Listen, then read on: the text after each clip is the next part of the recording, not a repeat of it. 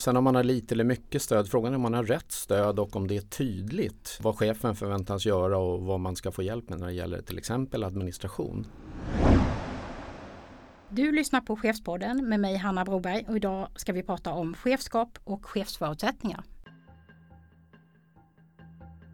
Erfarenhet. Styrning.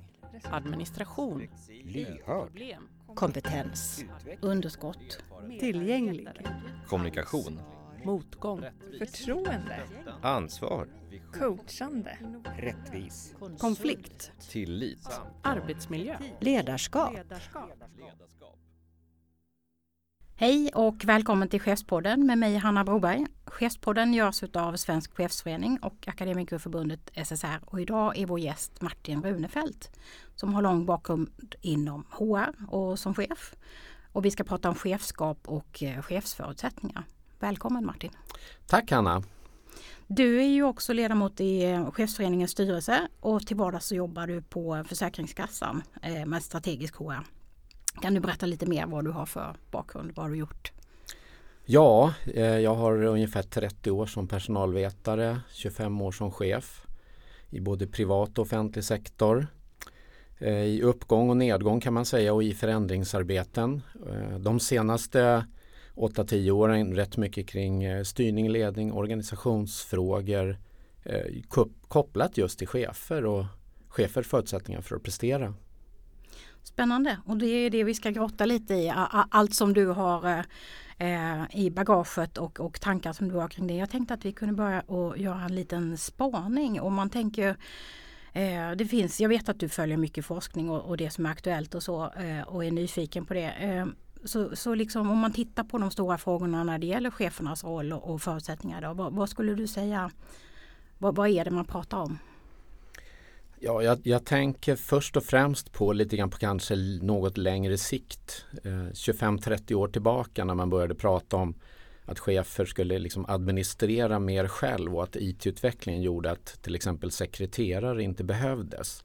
Så har det ju hänt fantastiskt mycket. Men en del av det som kommer upp tycker jag kring chefers förutsättningar att prestera handlar just om att de fastnar mycket i administration. Eh, och det är ju någonting, det kommer nya IT-system hela tiden men, men, det där är liksom en, en, tydlig fråga. Om man har det som utgångspunkt för vilka möjligheter chefer har att liksom ägna sig åt sitt uppdrag. Sen finns det ju kopplingar till den ökande sjukfrånvaron och psykosociala arbetsmiljön där chefer har en viktig roll. Eh, och inte minst deras egen arbetsmiljö. Det är väl några av de sakerna. Sen, sen tycker jag att på gott och ont så har ju chefers Eh, Eh, bilden av vad en chef ska göra egentligen har ju eh, utvecklats. Eh, det ställs högre krav och framförallt ett bredare ansvar. Och det tycker jag nog i grunden är rätt. Men desto viktigare då att man har förutsättningarna. Jag tänker när du pratar om administration att det är ju precis det som administrationssamhället och tillitsdelegationen och andra är inne på. För den där ökningen, inte bara att man ska liksom mecka ihop sitt eget paket som när man har köpt något på Ikea utan att det Ja, det, det, har också eh, blivit en ökad uppföljning och ökad administration. Så att, eh, men man har ganska lite stöd med assistenter eller andra specialister idag. Ja, Känner det, du igen det? Ja, det gör jag absolut. Sen, sen om man har lite eller mycket stöd, frågan är om man har rätt stöd och om det är tydligt eh, vad chefen förväntas göra och vad man ska få hjälp med när det gäller till exempel administration. Mm. Så otydligheten kring, kring detta är väl ett dilemma tycker jag. Mm. Precis, och personalomsättning och tufft budgetansvar och så är det ju många chefer som vittnar om också. Om, om du skulle spana någon sån här liksom, eh, lite positivare trend, kan du komma på något sådär som du känner eh, alltså att chefer har större möjligheter eller någonting också? Ja, eller jag tänker på något helt annat faktiskt om jag tar det först. Eh, det har sagts under ett antal år att den yngre generationen, slutet på 80-talister och 90-talister, att det är ingen som vill bli chef på grund av krav och så vidare att man vill byta arbeten och diverse olika orsaker. Men nu finns det ju nya studier som visar att det vill de visst det men kanske på ett annat sätt än tidigare. Det, det kommer jag att tänka på som någonting som faktiskt är väldigt positivt. Mm. Men när vi måste lyssna mer på vad de behöver. Jättekul att du nämner det. Jag, jag träffade eh, studenter på Socialhögskolan för ett par år sedan eh, som studerade vidare till just då, och hade inriktning mot chefskap och så. Och de pratade om att eh, liksom få vara med och eh, nå resultat och se människor växa och det var mycket fokus på liksom den här utveckling och möjligheter och sådär. Så det, det känns ju kul. Absolut. Mm. Ja, men vi ska väl komma in lite grann på hur chefen har det idag. Och jag, jag tänker att det är ändå väldigt höga krav på liksom att man ska åstadkomma goda resultat och man ska utveckla, förbättra. Man går ju oftast in i stora förändringsarbeten och sådär också. Och så ska man då samtidigt eh, försöka få med sig medarbetarna och, och eh, få leverans från medarbetare genom ja, helst ett gott ledarskap då, inte en, en tyrann på, på jobbet utan men, men går det med den pressen som chefer har att liksom få tid till och, och tålamod och, och, och eh, kunna se och stå för ett gott eh, ledarskap skulle du säga? Ja, eh, går det? Om jag sa att det inte gick så vore det lite tråkigt. Men då tänker jag så här att går det? Ja, vad är det som ska gå? Då kopplar jag det lite grann till uppdraget man har som chef. Vad är det för typ av uppdrag och vad är förväntningarna på leveranser? Är ambitionsnivån på olika områden i det man förväntas åstadkomma, är de, är de rimliga? Eh, det, det är det första och om de är det och om uppdraget är någorlunda tydligt och en chef ska man säga, vinlägger vinnlägger sig om att få sitt uppdrag ganska tydligt formulerat och få ha dialog med sin chef i sin tur om detta, då, då är det en bra start. Eh, och sen är det ju som du är inne på, leverans från medarbetarna. Ja, det förutsätter jag att de också har en känsla för sitt uppdrag och tycker jag då en chef som är intresserad av att föra dialog om både uppdraget och vilka förutsättningar medarbetarna behöver för att nå resultat. Hitta deras drivkraft och Ja, och vad de behöver i form av eh, kompetens, eh, mandat, handlingsutrymme och så vidare och motivation och deras drivkrafter som du säger. Mm. Det, det är ju en bra start till att säga att ja men då går det nog. Just det. Men om, om vi säger sådär gott ledarskap, vad, vad, skulle du säga är det? Jag brukar prata om, ja, men det handlar mycket om mognad som chef för att liksom hitta sitt ledarskap och så. Vad, ja. vad, vad är din bild av ett gott ledarskap? Ja, till att börja med så skriver jag under på det du säger om, i form av mognad. Och jag tänker så här att ut, utöver vad den egna verksamheten ställer för krav på en chef och hur, vad man har bestämt sig för att ha för styrning och ledning hos sig så, så ett gott ledarskap bottnar ju att en chef tycker jag är i kontakt med varför vill jag vara chef? Och vad vill jag med mitt ledarskap? Eh, att utveckla, formulera för sig själv och kanske ha någon att prata med kring vad jag vill kännetecknas av i mitt ledarskap. Det är, en, det är liksom en bra grund och det tycker jag ska följa med en under hela sin chefskarriär. Så jag vill någonting eget med, med detta. Eh, och de chefer som jag tycker jag har mött som, som är bra på det här på något sätt, de är ju mogna till exempel. De är rätt öppna, de är intresserade av dialoger, de är ödmjuka eh, och de kanske också vi, vågar visa sig lite sårbara emellanåt. Och då uppstår ju en möjlighet till ett förtroende. Så då är vi inne lite grann på den här tillitsfrågan tycker jag. Så att bortom alla tester och urvalsmetoder kring personliga egenskaper och hur vi människor är funtade så tycker jag att de här delarna liksom kring den personliga mognaden är ju rätt avgörande. Och då funderar jag lite grann kring just det apropå pressen och, och, och så att man kanske måste verkligen ta sig tiden eller, eller ha tiden att ibland eh, reflektera över liksom, eh, förstår jag uppdraget rätt? Hur hittar jag medarbetarnas eh, eh, förutsättningar? Vad är mina ledstjärnor? Liksom? Att, att, att man faktiskt behöver sätta av tid för ja. att eh, ja, själv fundera kring var jag står någonstans. Ja, nej men det, det är riktigt och det, om jag går till mig själv hur jag har fungerat som chef under de här 25 åren så de, de perioder kan jag säga, för det här är inte något konstant, det är faktiskt någonting man faktiskt får jobba med och kämpa lite grann för. Men de perioder som jag har sett till att avsätta egen tid för att göra den här typen av reflektioner. Har jag nått mina mål, har jag gjort det jag hade förutsatt mig, om, om inte varför och be om feedback från sina medarbetare och så vidare. Om man faktiskt bestämmer sig för att till och med boka av tid med sig själv i kalendern för de här frågorna då gör man det hela mycket enklare och eh, har någon slags markkontakt kan man säga. En trevlig person som jag känner brukar skriva in i sin kalender VFSO. Det betyder vad fan som helst. Eh, och det är liksom blockad tid just ja. för att tänka. Mm. Men om man tittar lite grann, liksom, vi brukar i podden vara inne på det här med hur man utvecklas som chef och hur man kan ta sig tid och så kring det eh, och vilket stöd man behöver.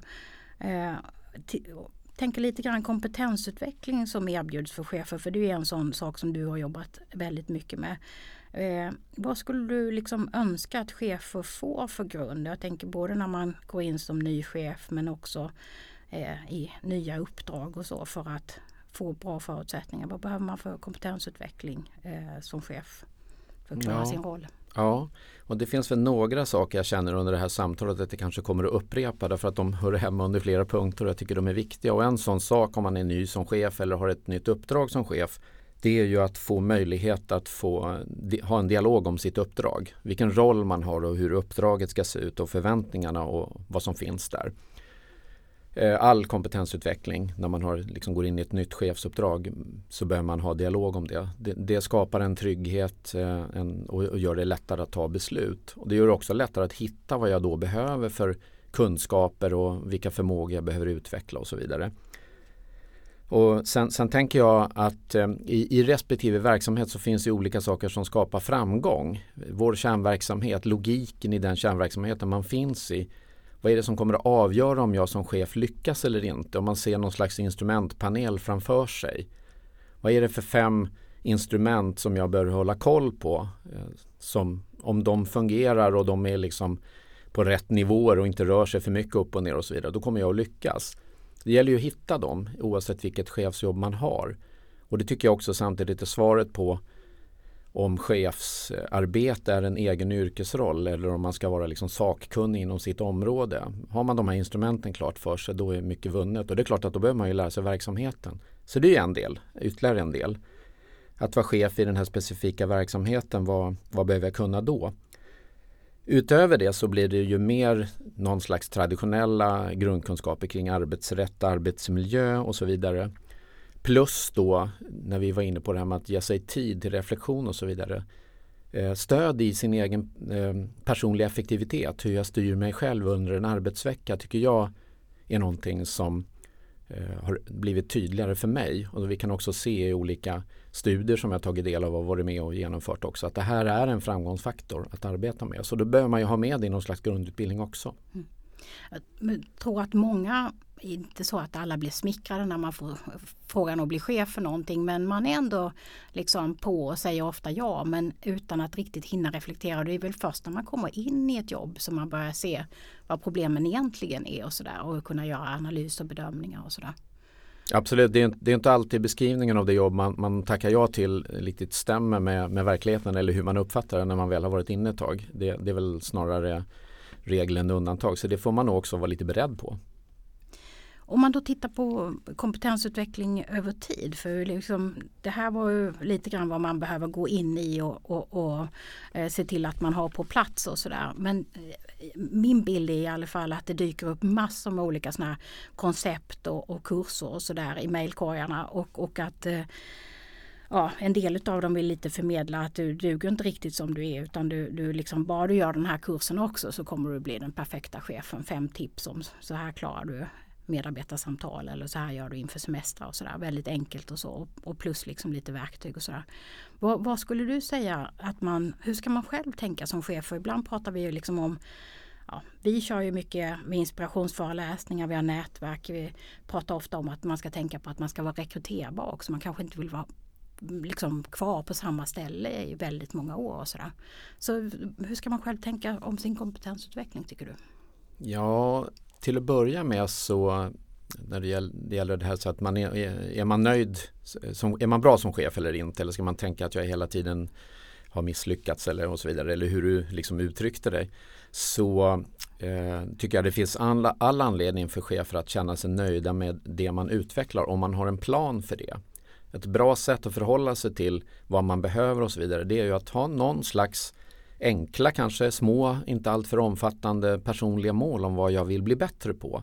Som man själv är i kontakt med och som kanske är en av de sakerna man tar upp om man avsätter tid för egen reflektion eller träffar en coach eller en mentor eller någonting liknande och får stämma av med.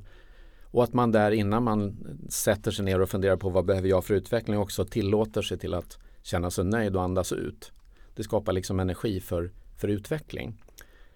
Det andra är väl att alla kortkurser och sånt som marknadsförs och så vidare. Det finns ju en viss kritik emot det och den, den är i många avseenden befogad så tillvida att man blir inte liksom fullfjädrad på fyra timmar eller ett frukostseminarium. Samtidigt som det kanske fyller en funktion för att få en chef att reflektera över vad som är viktigt och någonting att förhålla sig till. Eh, men då är det väl snarare kanske så om man håller sig lite uppdaterad, kanske är med i något nätverk. Vad skulle jag behöva lite mer ordentligt utav som chef? Vad behöver jag då? Eh, och eh, att våga ställa krav på, på det från sin arbetsgivare också. Vad behöver jag för eh, att klara mitt uppdrag? Och då, klart, då, då krävs det att man är lite i kontakt med vad som finns i omvärlden också. Och du var inne på arbetsgivaren och ställa krav på arbetsgivaren. Då, då tänker jag utifrån ett arbetsgivarperspektiv till de anställda cheferna då. Vad, vad ska man tänka? Du var inne på en del av det som man behöver ha på plats liksom.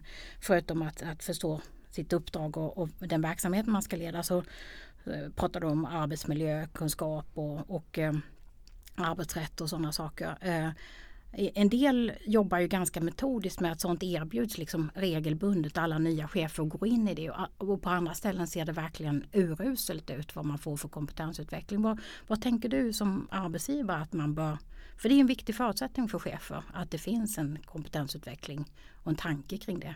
Ja, jag har varit med om båda. Både som ansvarig inom HR för sån här utveckling men också som, som chef. Att det fungerar väl och väldigt metodiskt och vissa saker är obligatoriska och när det inte är det. Men, men som arbetsgivare så tycker jag absolut att man bör ha någon slags miniminivå som kanske till och med gör att man kan få en stämpel, liksom, att man har genomgått eh, organisationens grundprogram och att det är ett krav på det för att liksom säkerställa kvalitet i ledarskapet och, och förutsättningar. Så det, det, är ju absolut en, eh, en grund tycker jag. Sen kommer jag osökt att tänka också på att det inte, handlar inte bara om kompetensutveckling och mig som individ som chef eller eh, om vi ska lyckas med vår verksamhet och nå våra mål att det bara är avgörande att vi rekryterar rätt chefer och att vi ger dem rätt utveckling och ställer rätt krav. Det gäller ju också att förutsättningarna runt omkring en chef eh, finns för att kunna leverera i termer utav mandat, en, en styrning och ledning som är tydlig och eh, eh som kanske också inte bara strävar efter att kontrollera chefer utan också ge dem stöd att ta sitt ansvar. Det, det, tycker jag är spännande för den diskussionen har ju också funnits om, om man ska ha det här individfokuset eller om det är strukturella organisatoriska förutsättningar som är det viktiga fokuset för chefer. När vi ser hur chefsomsättningen ser ut så är det svårt att tänka att det är massor med individer som ständigt är på fel plats utan det måste ju vara också organisatoriska skäl till att det ser ut som det gör.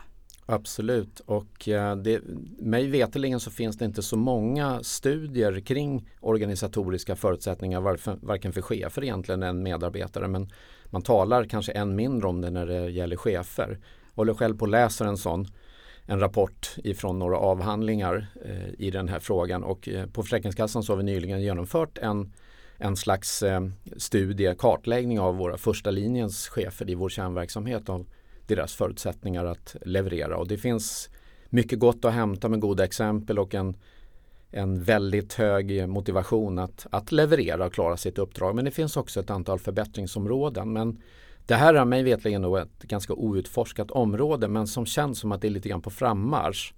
Och att ha någon slags balans mellan individ och organisation för att nå framgång det, det, det är bara sunt och välgörande. Det låter ju väldigt rimligt och jag tycker när vi träffar medlemmar och, och, när medlemmar ringer till oss när de faktiskt uppfattar just att det organisatoriska inte riktigt är, är, är bra. Eh, så, så vittnar de ju om olika saker. Jag vet att i, i den eh, studien som ni gjorde på Försäkringskassan så tror jag att eh, bortemot var sjätte chef uppfattar att man inte använder sin tid tillräckligt bra under veckan till exempel. Ja. Och det påminner väldigt mycket om, ja men jag nämnde administrationssamhället och tillitsdelegationen förut då, och som våra medlemmar också säger att man har lite ja, kanske till och med oskäliga uppgifter, i alla fall okvalificerade uppgifter där man tycker att man kunde använda sin tid bättre. Det, det är för mycket möten som inte är, är, effektiva och så vidare. Ja, det finns, det finns många olika orsaker och, och vi funderade ju på om, om det nu är så att nästan 20 procent eh, en, en, eh, omräknat i en, en arbetsdag i veckan är inte effektiv under min arbetstid som chef. Är det mycket eller lite? Och i den här andra rapporten som jag håller på att läsa just nu så har de kommit till någon liknande slutsats vilket eh, på något sätt då glädjer oss. Men man kan ju se det som att det finns en enorm potential i detta. Om chefer kunde använda sin tid lite mer effektivt. Eh, sen kan man fråga sig också, är det tydligt för chefer eh, vad, vad de ska förväntas göra. Gör de rätt saker? Har de rätt uppfattning om de gör rätt saker eller inte? Men den subjektiva upplevelsen är ju precis som du beskriver och det är ju inte bra. Du, jag, jag funderar på de här komplexa chefsuppdragen då. Eh, eh, då tror jag ju det vi har varit inne på här, brister och så, men också om själva uppdraget som du nämnde hur viktigt det är och, och hur man uppfattar det och om man har uppfattat det rätt och om man har rätt förutsättningar för det.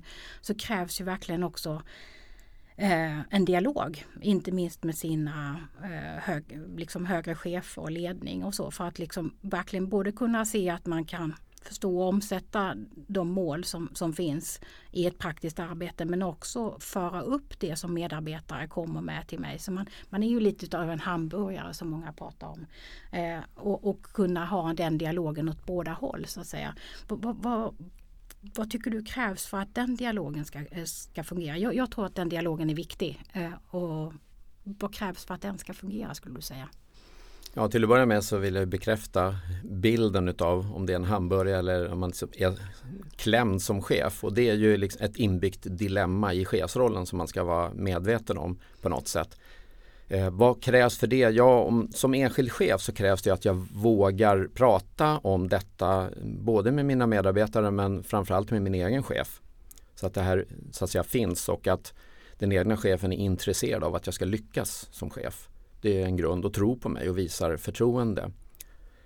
Eh, och eh, om, i vilken utsträckning det är så kan ju vara ett uttryck för kultur, struktur i organisationen och vilka signaler som en, en ledning sänder. Och det kan se väldigt olika ut och det kan se olika ut över tid. Men att det finns ett intresse och, eh, från ledningen och att man ser att det här är en framgångsfaktor. Att våra chefer från högsta ledet och ner till första linjens chef att det finns en pågående dialog om uppdraget och vad vi gör bra, vad vi gör mindre bra, hur vi kan bli bättre och där man är intresserad av förutsättningarna för det och hjälps åt på något sätt. Och för mig är inte det att ställa otydliga krav eller att det är någon slags grupparbetssamhälle som det ibland kan beskyllas för utan det är bara ett sätt att skapa tydlighet och öka möjligheterna att nå målen. Så det är, en, det är en av förutsättningarna. Sen måste ju chefer vara intresserade av att föra dialog. Så att allt som har att göra med kommunikation och förmågan att kommunicera, att lyssna, ta in, omvärdera, ifrågasätta, ställa bra frågor, utmana och så vidare och tillåta sig som chef att vilja bli utmanad. Eh, till exempel. Så det är framgångsfaktorer. Jag påminns själv om mitt första chefsjobb utanför HR. Jag har haft flera personalchefsjobb men mitt första jobb utanför HR så sa jag till min HR-person som skulle vara stöd till mig att jag vill att du eh, utmanar mig. Jag vill att du ställer frågor kring saker som du uppfattar att jag inte riktigt har koll på när jag kanske springer allt djupare ner i min fåra. Utmana mig, var lite sparringpartner och så vidare. Då, då ger man ett bra stöd. För det tror jag chefer både vill ha och behöver. Jag, jag, jag tänkte på när du eh, nämnde eh, det här med att liksom våga ha dialog, våga bli utmanad och så. Att det handlar Eh, ja, om att, att våga visa sårbarhet som vi var inne på tidigare. Att, liksom, att det ska finnas en kultur där man, där man efterfrågar ett lärande i organisationen också. Och, och att eh, detta är också en del av det som tillitsdelegationen är inne på att man har sett när man har gjort studier ute. Att, att man är kanske lite rädd som chef för att liksom öppna upp sig på det här sättet. Pressen uppifrån är ganska tuff och då, då, ja, då gäller det att inte visa sig för svag eller sådär. Men kanske det, det är tvärtom så att säga. Att, att eh, genom att få den dialogen så, så, så är det en viktig bidragande faktor till att nå goda resultat. Absolut och det är naturligtvis lättare sagt än gjort och det kan finnas i en del sammanhang alla anledningar att vara försiktig som chef men man kan också bli för försiktig så att på något sätt våga och mod. Sen handlar det också om att tänka i system. Tillämpar man systemteorin med olika systemfaktorer som man ju gör om man är intresserad av eh, vilka man finns till för, vad vår verksamhet ska åstadkomma, varför finns det till och så vidare. Men tillämpar man systemteorin och olika faktorer här så, eh, så är det också en bra förutsättning för att lyckas. Du var ju inne på, du nämnde medarbetarnas handlingsutrymme och jag, jag funderar lite grann på just manöverutrymmet som chef när det, vi har de här komplexa uppdragen som vi har nämnt så är det ju, man kan inte förutse allt och inte planera allt om man står inför situationer. Självklart kan man inte, inte, inte agera, speciellt i, i, en organisation som, som din. Alltså det, det, krävs ju rättssäkerhet och så men ändå måste man kunna handla, ta initiativ, våga eh, ge medarbetarna beslutsstöd och så vidare. Liksom. Att man känner att man har den här eh, man förstår inriktningen och att man har ett utrymme som chef. Och det tycker jag att man har många chefer som fundera på. Har jag det utrymmet eller hur ser det ut egentligen? Absolut. Det är ju en vanlig eh, fundering som chefer har och ofta så kan man tycka att jag har mycket ansvar och lite befogenheter som en del i det här. Eh, och, men, men din fråga om eh, är det här en trend och mycket lite, bra och dåligt och så vidare. Jag, jag, skulle vilja uttrycka mig mer som i termer av är det tydligt eller är det otydligt? Och det är otydligt? Ja, det skulle jag säga. Det är i alla fall det, varierar naturligtvis. Det går inte att generalisera över Sveriges arbetsliv och verksamheter men det, man har allt att vinna på att göra det tydligare. Det är helt klart. Då, då, tycker jag ur ett lite fackligt perspektiv att det också är intressant för att vi har väldigt mycket chefsförordnande. Som, ja, chefer kan helt enkelt tvingas gå under sitt förordnande om man har överskridit. Det är ibland inte något olagligt eller det uppfattas bara problematiskt eller, eller inte okej. Okay. Och ibland statuerar man exempel också. Och då tänker jag att man har lite osäkra anställningar och så den här otydligheten i mandatet i kombination. Det måste bli väldigt rädda chefer som som kanske inte gör allt man skulle kunna och vilja. Absolut och det är ju, höll på att säga, ett, ett tema i sig för ett samtal men en sak är ju klart att man har i alla fall inte maximerat möjligheterna för en chef att nå målen eller till och med överträffa målen med de förutsättningarna. Det, det skulle jag nog vilja påstå djupt mm. mänskligt om vad som gör att vi människor fungerar som bäst. Och då funderar jag på också eh, i den här, vi har ju pratat om chefen i sin roll men också eh, eh och chefen själv och, och eh, i, i, uppdraget men, eh, och ansvaret gentemot medarbetare. Men jag funderar på eh, det, om det då är ibland lite si och så med stödet från, från arbetsgivaren, man är ganska ensam som chef. Hur stöttar chefer varandra då för ja, eh, reflektera till exempel som vi har varit inne på och ja, utvecklas. Eh, har du goda exempel på det?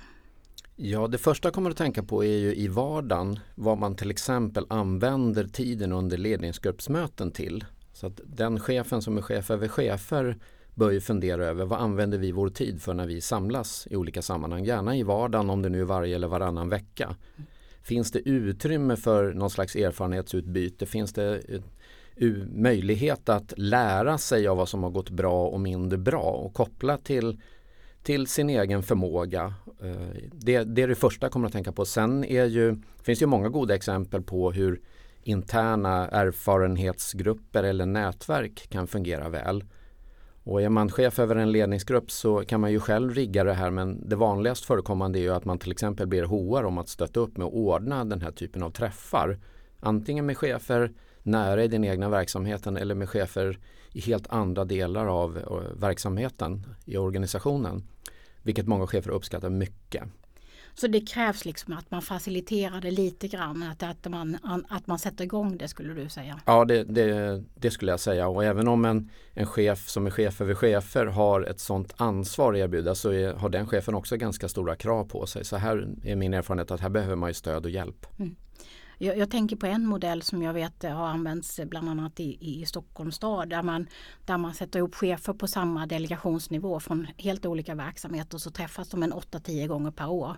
Eh, och att man går dit och en chef eh, förbereder då ett eh, aktuellt fall som man har ansvar för och som kräver action. Och så får man reflektera tillsammans med de andra cheferna i gruppen. Ja, jag har samma erfarenhet inom staten med på den nivån chefer som leder chefer som grupper som jag har varit med om. Dialoggrupper kallar man det därför som har eh, utvecklats och expanderar rätt mycket som oerhört uppskattat. Det, men där tar man, med, tar man med sig case som man diskuterar och får stöd av sina kollegor i andra verksamheter. Så att då, då är man ensam ifrån sin egen organisation men mycket uppskattat.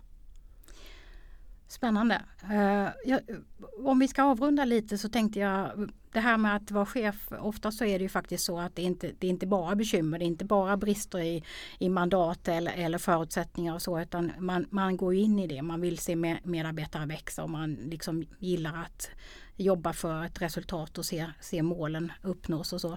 Men eh, även om det inte alltid är, är, är då förutsättningarna eller situationen för chefer om, om du fick önska liksom några grundförutsättningar, en drömsituation för chefer, vad, vad, vad, skulle vi, vad skulle vi jobba mot?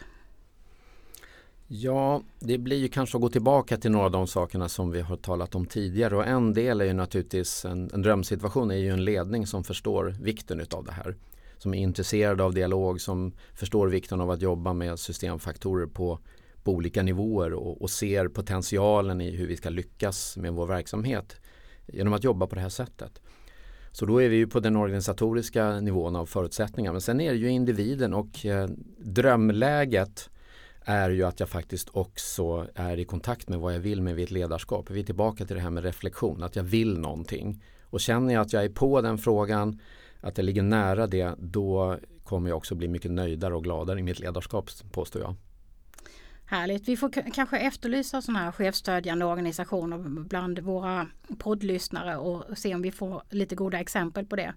Tusen tack för samtalet Martin. Eh, Chefspodden är tillbaka om ett par veckor. Eh, tipsa oss gärna om det du vill lyssna på. Och vill man prata om sina chefsförutsättningar eh, och behöver eh, stöd på ett eller annat sätt så är man varmt välkommen att höra av sig till Chef Direkt. Tusen tack för idag Martin. Tack. Hej då.